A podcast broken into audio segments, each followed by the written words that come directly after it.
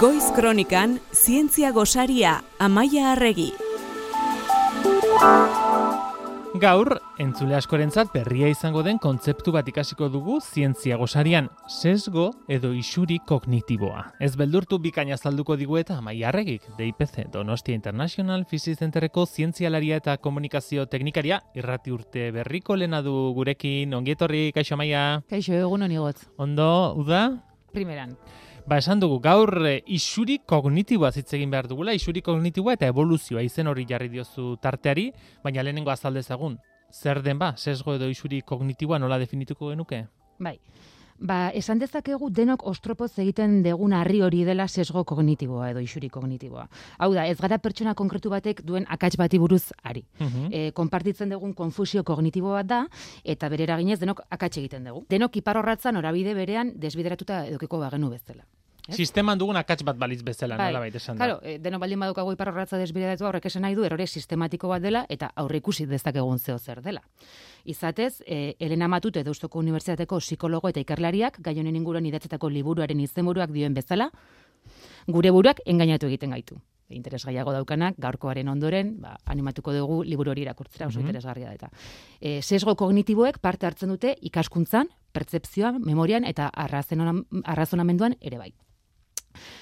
Eta, klaro, nondik dator? Ba, gizaki guztio konpartitzen ditugun akats hauek arrozeizkoa da evoluziotik datozkigun ezaugarriak direla pentsatzea. Mm Matuteren arabera, e, kabernikola gara oraindik eta garai horretan garatu ziren gure buruak. Orduztik garatu ditugu erreminta eta teknologia berriak, baina gure garuna e, e, apenas ez aldatu. Kabernikola izate jarretzen du. Hori da. Erabakiak hartu behar ditugu datu guztiak izan gabe, hau garrantzitsua da. Eh? Datu batzuetatik abiatu zerabakiak hartzen ditugu eta informazio hori guk osatu egiten dugu.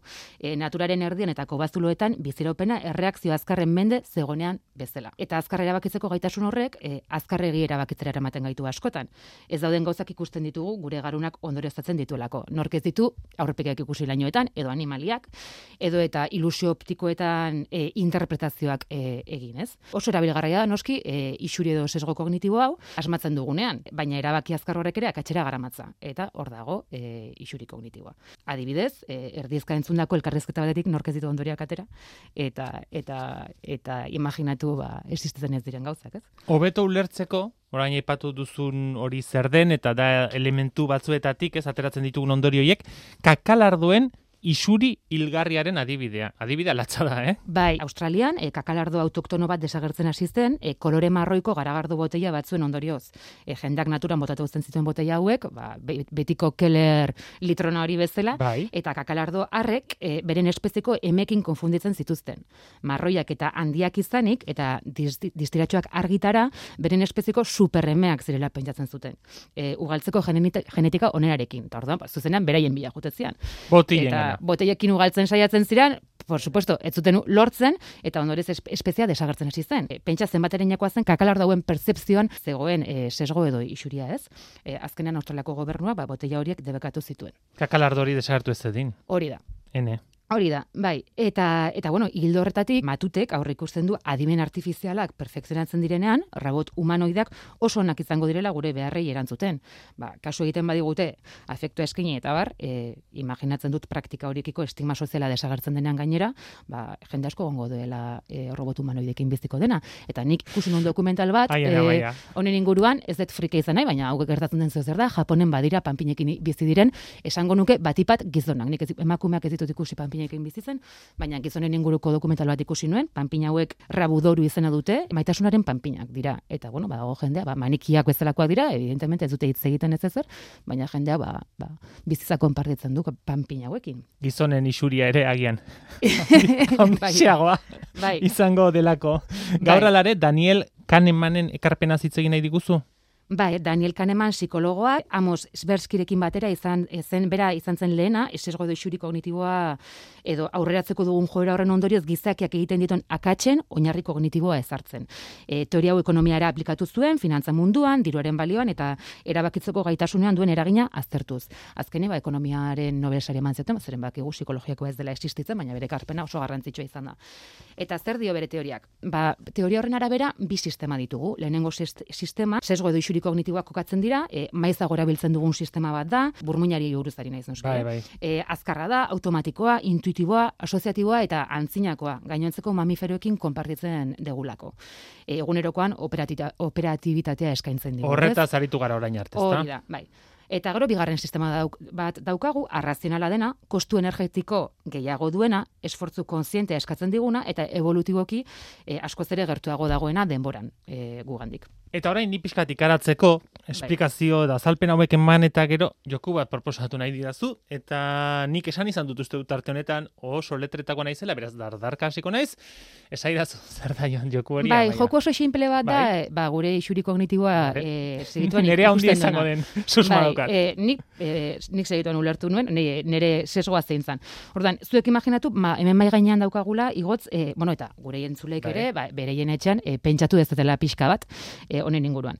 Mai gainean dauzkagu raketa bat Raketa eta bat. pelota bat. Eta pelota bat, bai. Bai? Biek batera, euro bat eta hamar sentimo balio dute. Raketak eta pilotak batera, Batera, erosiko bagenitu, euro bat eta hamar sentimo balio Hori dute, da. Bai. raketak, pelotak baino euro bat gehiago balio du. Zenbat balio du pelotak? Buruketak Hamar- nahiko simplea dirudi. Hamar sentimo, esango nuke nik, ez? Nik Pilotak hamar berdina, sentimo ba, nik berdina pentsatu nuen, egin nuen lehen da biziko eragiketan ere buruan izan zen, amar sentimo, gehi euro bat, bat amar, e, perfecto. Ba, Baina ez. ondorio ez dut ez ez. Claro, Hori dela zeren- gure isuri kognitiboaren Hori da, zeren lehen da bat. baldintza beteko litzateke, baina bigarrena ez, zeren pelotak amar sentimo balio baldin baditu, raketak euro bat gehiago baliotzea, bat amar baliotzea esan nahi du, horrek esan nahi du, bat amar, gehi, amar sentimo, bat hogei dela batuketa ez. Baina erantzun ona izango litzateke, raketak balio duela bat koma zero bost, eta, eta pelotak berriz bost sentimo balio dituela. Ordan, karo, bigarren buelta bat eman behar zaio, eta eta esfortzu pixka bat gehiago egin behar da. Esatean, buruketa honen claro, erantzuna. raketak gero. pelota baina euro bat gehiago balio duela, claro, gu lehenengo egiten duguna pentsatu hamar gehi euro bat, baina ez. Claro, Pelotak baino euro bat gehiago. hori da, Beraz- hori da, hori da. Beraz, pelotak, egia da, 0,5 balioko Bai. baru, laketa bat koma 0,5, hor aterako litzake bien artean, bat amarrekoa, baina horretarako bigarren pauso hori eman behar da, ez? Lehen esan duguna, ez da, arrazionalagoa dena eta kostu gehiago eskatzen diguna pentsatzeko, Bai. eta ez hain azkar esango genuken, amar sentimo eta euro bat. Bai, Ederki, kontrolaren ilusia edo superstizio edo sineskeria hitz egiteko ere balio dugu bai, zeren aipatu dugun Elena Matute Bai. eh, psikologa eta ikerlaria, un- eh, Deustoko Unibertsitatean lanean ari denak, gai hauek elandu ditu, bai superstizio eta bai kontrolaren ilusioa, eta oso goza interesgarriak kontatzen ditu. Berak egindako esperimentuetan, bueno, bideojokoekin esperimentuak egiten zituzten, eta jendeak parte hartzen zuen, ordan puntuak aleatoriko ematen zizkioten jendeari, bideojokoan jolasten ari zenean, eta orduan jendeak superstizio jarrerak eh, garatzen zituen. Itzekiten ez, zergatik ematen zitzaizkien puntuak, pues, inventatzen zuten, asmatu zuten, zergatik zian, eta orduan superstizio hauek sortzen zituzten. Hau oinarritzen da, duela urte batzuk usoekin egin zen esperimentu oso famatu batean, uso hauei e, janaria ematen zitzaien, eta uso batek janaria ematen ziotenean, ba, imaginatu momentu hortan saltokari zela, superstizio bat garatzen zuen, eta gero, janaria ematen zioten bakoitzean, saltokasten zen. Eta beste uso bat, beste, beste jarrera batekin, edo beste, beste zezerekin orduan.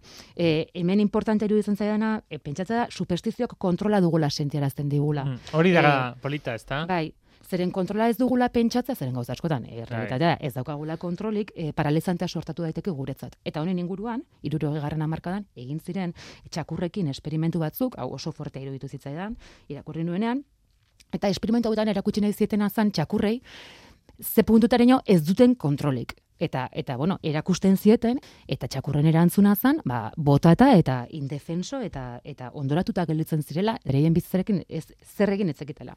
Honi indefentsio ikasia deitzen zaio, eta gaur egun debekatu da horrelako esperimentuak egitea. Eta beste adibide batez, euriaren dantzena, ez da? Garan, Bai. Badezik aintzinako gizartean da, hain garrantzitsua zenean klimaren kontrola ez, e, euriaren dantza horiek egin da pentsatzea eurien olabait eragin zitekela, ba, jendeari asegarri zitzaion edo laguntzen zion aurrera egiten, da ez pentsatzea, ez, ez, guk ez daukagu zer eginik horrekinko, ez Claro, igual gaur egun superstizioak ez dira inbaliagarriak, Bai. baina e, hipotesi hori egin dute, esan ez ba, superstizioa historikoki eta evoluzioan ba, baliagarria izan dela e, aurrera Zerbaitetan sinesteko eta, eta ez pentsatzeko ba, gauza batzutan e, gizakiok eta animaliok oro ez daukagula kontrolik, ezta? Ta, Claro, ta horretan laguntzen digu. Bai. Pentsatzeko e, eragin dezakegula, eragiterik ez dugun e, gauzetan alegia. Honetaz gogo eta egiteko erakusketa bat ere aipatu nahi diguzu amaitzeko, Maia? Bai, bai, bai, iruditzen zait gai honekin e, batera Bai. e, doan zeo zer dela, e, azken egun hauetan Bizkaia aretoan Bilbon e, inauguratu duten e, erakusketa. EHUko paraninfoan? Hori da. Evolución en clave, en clave de género, izena du erakusketa honek, eta gauza da duela amar urte, e, Madrilgo e, naturzientzien e, museoan erakusketa egin zela, e, giza evoluzioaren inguruan, eta badirudi gaina arrakasta hundiarekin, milioi bat pertsona baino gehiago joan zela, imaginatuko ezun bezala ikastetxe guztietik Mhm. kan joan zian aurrak eta abar, baina gero, ba, e, antropologia feministatikan kriston kritika egon zan, erakusketa honen inguruan, ba, badirudielako, igual, gidoiari dagokionez, zegoela inbeste sesgo, baina e, irudietan, bai, irudietan emakumeak ez ziren e, ia agertzen, uste, okerrez baina mago hiru bakarrik agertzen ziren, eta imaginatuko ez bezala, ba, gizonak agertzen ziren, akzioan, Bai. mundua salbatzen, eraikitzen, eta bar, eta emakumeak ba, modu pasibo batean, ba, iskinatan, kasi, itxe, e, iskinatan kasi botata, eta eske gaur egun ez daukagu oraindik garaia hartan eginkizun edotaren inguruan zegoen banaketaren inungo frogarik ez dago, ez?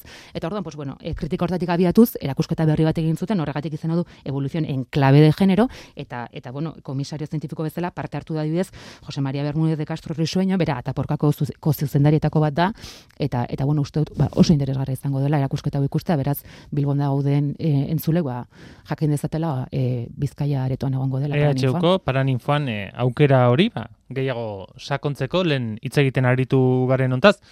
Gogoratuko diego entzulei EITB podcasten, zientzia gosarian berriz entzuteko aukera dugula gure tarte guzti guztiak han eh, daudelako eta hau ere berehala igoko dugulako EITB podcastera eta bertan egin dezakete erraketaren eta pilotaren kontu hori berriz entzun eta eta proba egin zuen ingurukoekin ea isuri kognitiboarena baiestatzen duzuen zuek ere edo azkarrauak diren ineu baino eta eta berehala jabetzen diren eh, zer dagoen horren atzean. Zuri amaia, datorren astera arte esan behar dizut. Oso ondo bigotz, mila esker.